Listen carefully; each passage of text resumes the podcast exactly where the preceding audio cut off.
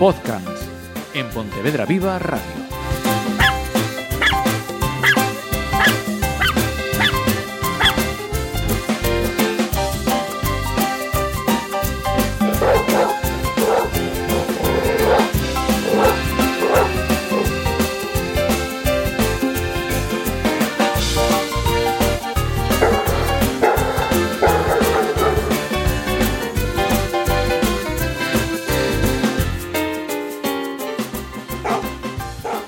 Bienvenidos, bienvenidas a este programa, esta tercera eh, edición de Podcasts, el programa en el que sabéis todos que buscamos la felicidad de nuestros amigos más fieles, los perros, siempre a través, eh, corrígeme si me equivoco, Diego, de la educación a los amos, a las personas, ¿no? Digamos. Exactamente, exactamente.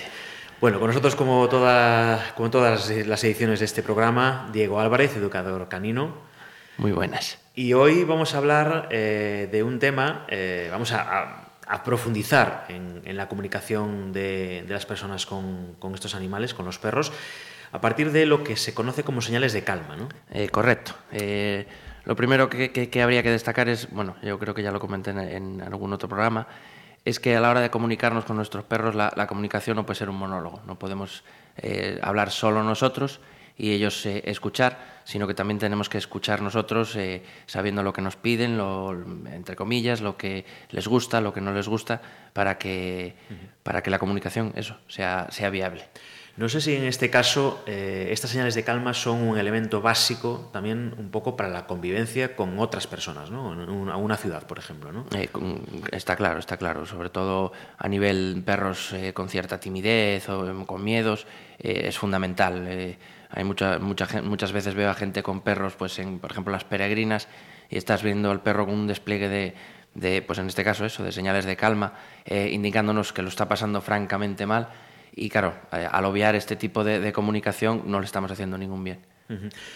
Bueno, pues vamos a empezar a hablar de estas señales de calma desde el punto de vista de la comunicación. ¿no? Es decir, ¿cómo tiene que ser esa comunicación con, con los perros? A ver, eh, si, partiésemos de, un perro estable, un perro que no, que no haya sufrido, entre comillas, eh, alteraciones en su comportamiento por, por, intervención lógicamente humana, que tiene unos niveles de estrés bajo medios, que, que son en todo momento gestionables, eh, y el perro se encuentra ante una situación incómoda, el perro va a dar una serie de, señales.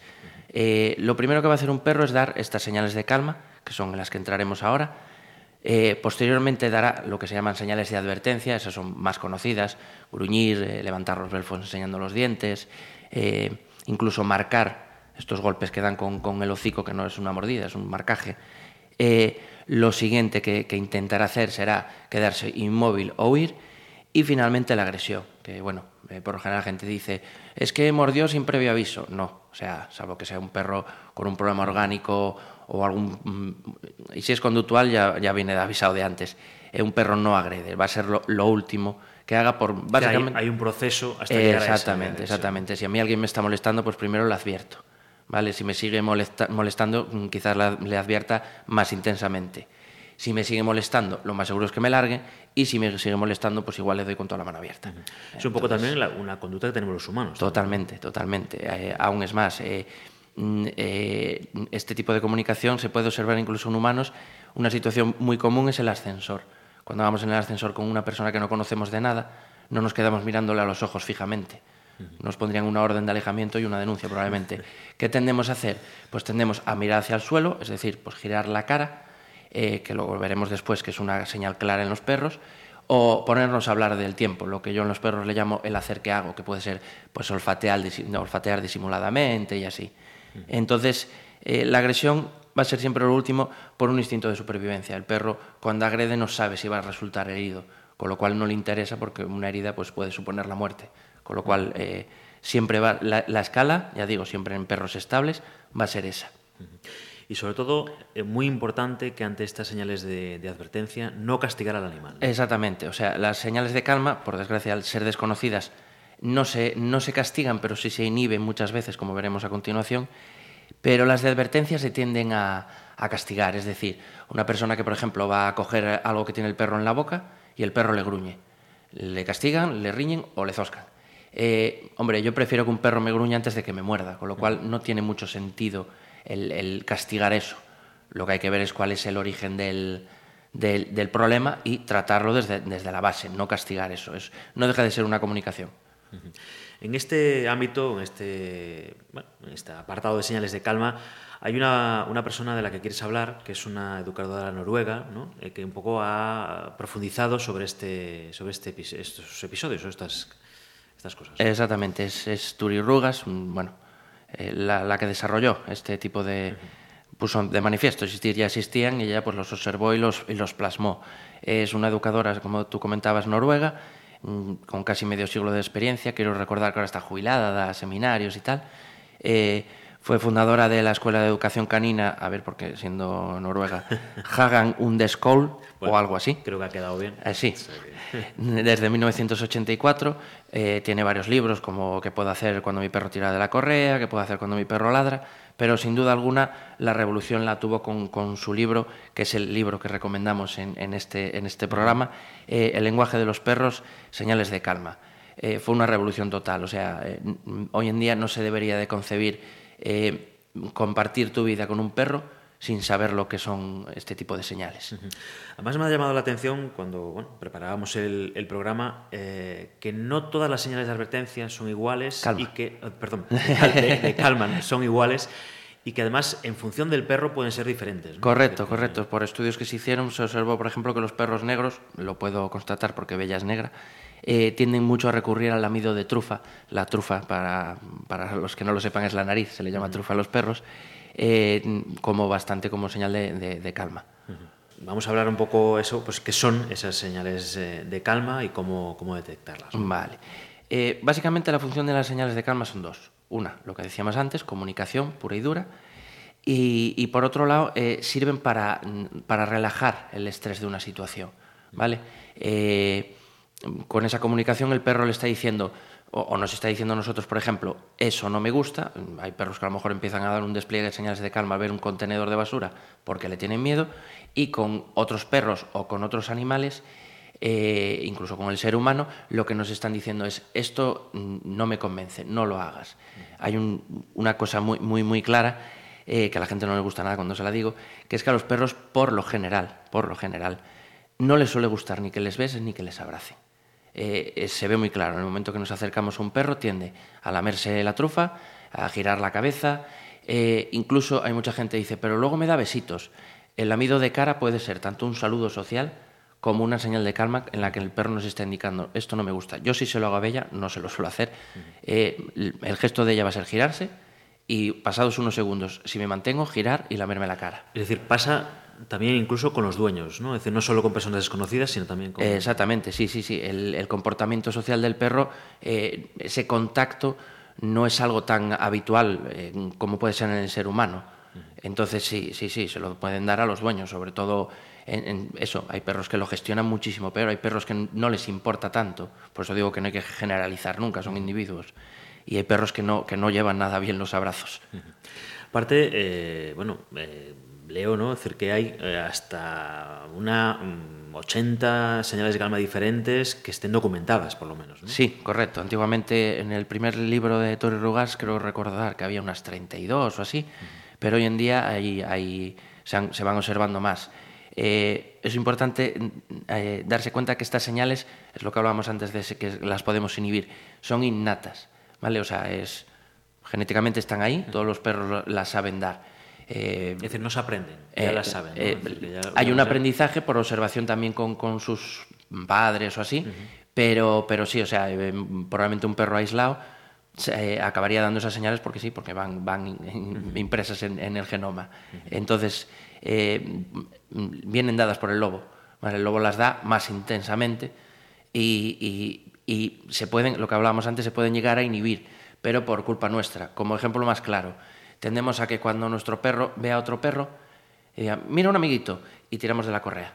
Que venga a saludarlo, ya está saludando el perro a una distancia. Es muy probable que el perro esté mirando hacia otro lado, el perro esté incluso pestañeando, lamiéndose la trufa, ya hay una comunicación. No debemos de forzar ese acercamiento. ¿vale? Esto es un poco pues, lo mismo que si yo estoy en una discoteca, veo a una chica y no voy directamente, hola, me llamo. ¿vale? Me va, me va a traer un problema. Solo mira para otro lado, de vez en cuando miras. Lo que hablábamos antes, muy parecido a veces a la comunicación humana. Entonces, eh, hay que permitir al perro que dé esa comunicación. Hay otras, bueno, hay unas eh, que son más obvias que otras, ¿no? Es decir, otras nos cuesta un poco más, aunque tengas una comunicación fluida con, con tu perro, que nos cuesta un poco más detectar, ¿no? Correcto, eh, es lo que, las que decíamos, por ejemplo, antes. Eh, una muy clara es un- dos perros que se encuentran, se miran, y en el momento que se miran, giran la cara, por ejemplo. Esa es muy obvia. Lo que no quieren es un, el contacto visual directo a los ojos al- para el perro suele ser muy amenazante. Eh, sin embargo, hay otras que pasan bastante desapercibidas, teniendo en cuenta que además por lo general vamos por detrás eh, en el paseo de los perros, eh, que como puede ser simplemente entrecerrar los ojos.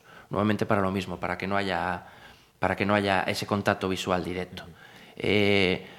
Hay, hay es lo que hablábamos, hay un montón de ellas. A mí me gusta explicarlo con que muchas están relacionadas con, la disminución del movimiento o incluso quedarse quieto.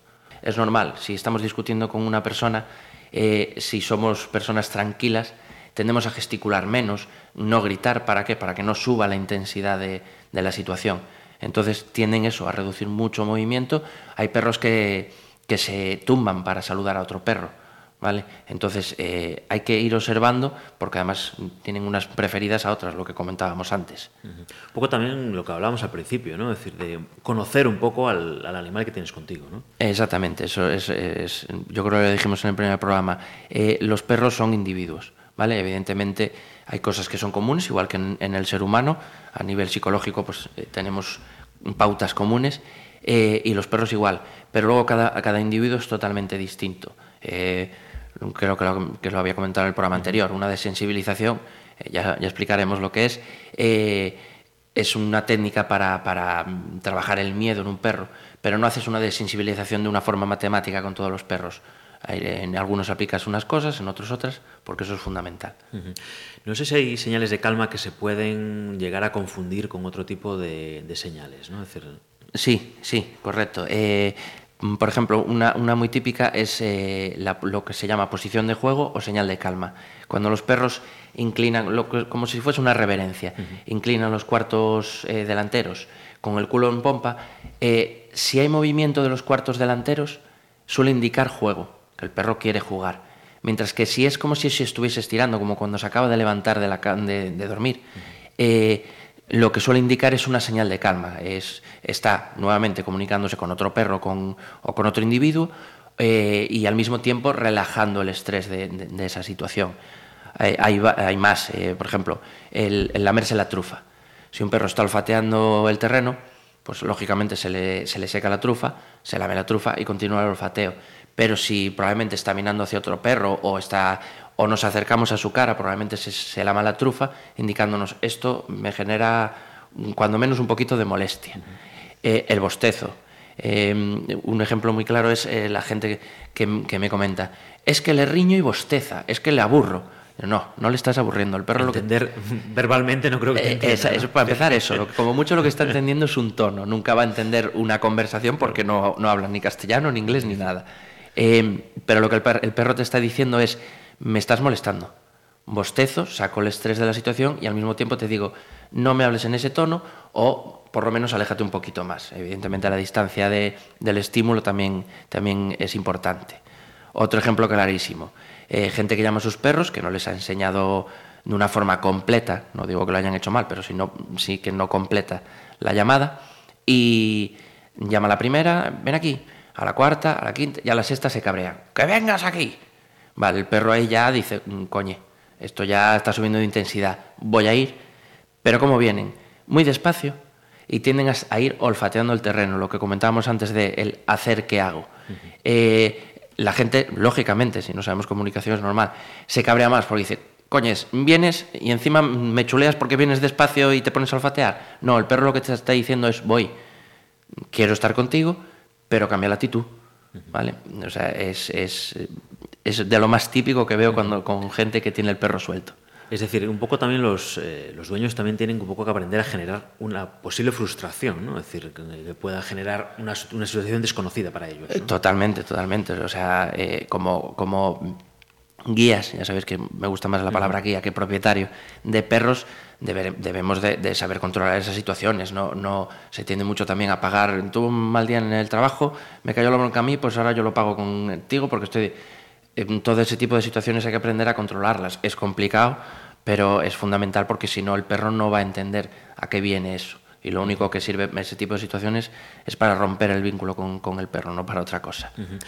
Lo que es bastante característico de los perros, sobre todo de, esas, de las parejas que tienen perros, y a lo mejor el, el, guía es uno de ellos, no es como pareja, es decir, que el perro a lo mejor no está acostumbrado a ser segunda persona, es eh, una casi, no sé si decirlo, o sea, de forma análoga con los humanos, una especie como de celos, ¿no? En cuanto a muestras de cariño entre, esas, entre la pareja. Correcto, sí, es, eh, eh, es de lo más común que me suelen decir, es celoso. A ver, eh, por los estudios que hay hasta ahora mismo, el perro lo que carece es de una capacidad de abstracción al nivel humano. ¿vale? Entonces, eh, los celos implican una capacidad de abstracción que no, que no, que no se ha demostrado que, exista. No quiere decir que no se llegue a demostrar, pero por ahora no. Eh, realmente cuando una pareja, por ejemplo, se abraza o se están besando y el perro se interpone, que creen que es celos, es, lo que está dando el perro es una señal de calma. Esa proximidad al perro le resulta muy chocante y lo que está intentando es separar para que no haya un conflicto entre esas dos personas.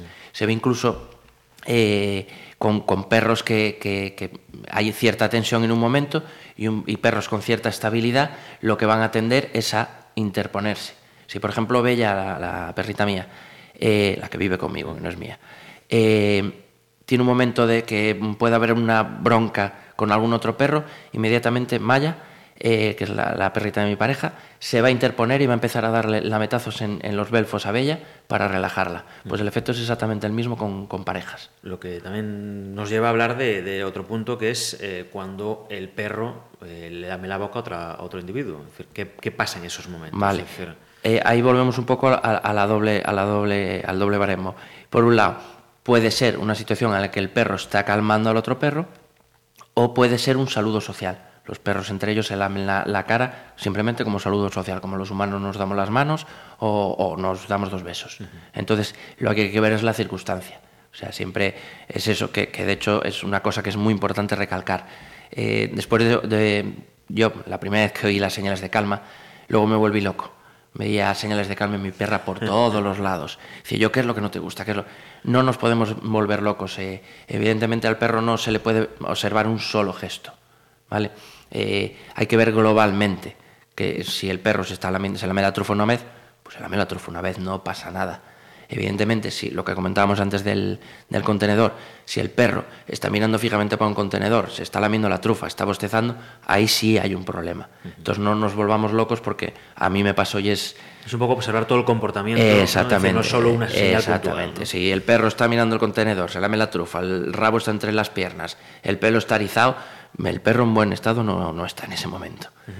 Tener claro, ya un poco como resumen de todo, que tenemos que estar muy pendientes de, los perros para detectar esas posibles necesidades. ¿no? Correcto, o sea, eh, aquí suelo recalcar una cosa. Por desgracia, los perros eh, salen poco, deberían de salir más. Eh, los habrá que salen bastante, pero bueno, por lo general. yo pienso que ese rato debería de ser para el perro. Nosotros tenemos nuestros momentos de ocio, nuestros cines, nuestras cervecitas, el rato que el perro está en la calle debería ser un rato para el perro y deberíamos de observar continuamente al perro para de esta forma saber esto te está gustando, esto no, si no te gusta pues te alejo, ya lo trabajaremos, pero tiene que ser el rato para él. Y el rato, si, vuelvo a hacer hincapié, el rato tiene que ser de olfateo. Un perro que va continuamente con la cabeza levantada y no baja la nariz para olfatear, ese perro tiene un problema. Tiene que estar olfateando. ¿Quién estuvo aquí? ¿Qué hizo? ¿Es un macho? ¿Es una hembra? ¿En qué estado sexual está? Es fundamental. Entonces, el rato de paseo tiene que ser rato de paseo para el perro, no para nosotros. Y un poco también a modo de resumen, eh, nos cuadra muy bien la frase que, has escogido para, esta semana, ¿no? Un poco lo que, de, engloba un poco todo lo que hemos estado hablando. Correcto, es una frase de un escritor norteamericano, Max Seaboy. Eh, cuando hablas solamente, estás repitiendo lo que sabes, pero si escucha, si escuchas, perdón, puede que aprendas algo nuevo tenemos que escuchar más a, nuestros perros. Y no me refiero a, cuando ladran, que también nos están informando de algo, sino sus gestos. Son mucho más, más básicos que nosotros, entonces es fundamental. Bueno, pues antes de, de terminar, ya sabéis que como siempre nos gusta eh, pues contribuir un poco y echar una mano a esos perros que eh, buscan eh, bueno, pues un guía eh, a través de, de- de la adopción. Y vamos a hablar esta semana de Perla, ¿no? Exactamente. un poco de ella. Perla es una, una perrita que está en, en- en- bueno, en pollo, en, en la protectora de Adota Canceira de Pollo. Es una, bueno, lógicamente una hembra, esterilizada, tiene entre 3 y 4 añitos, es una mestiza que cuenta con muy buena socialización tanto con perros como, como con personas.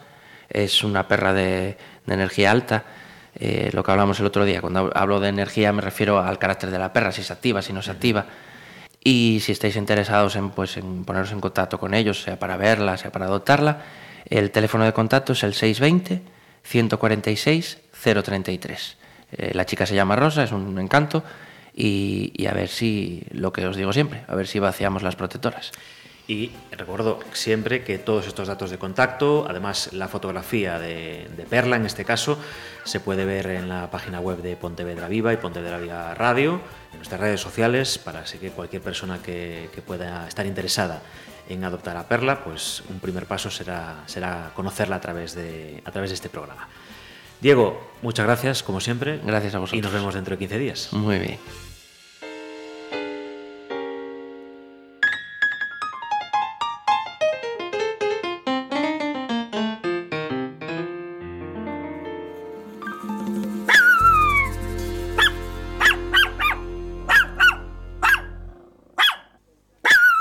Podcast en Pontevedra Viva Radio.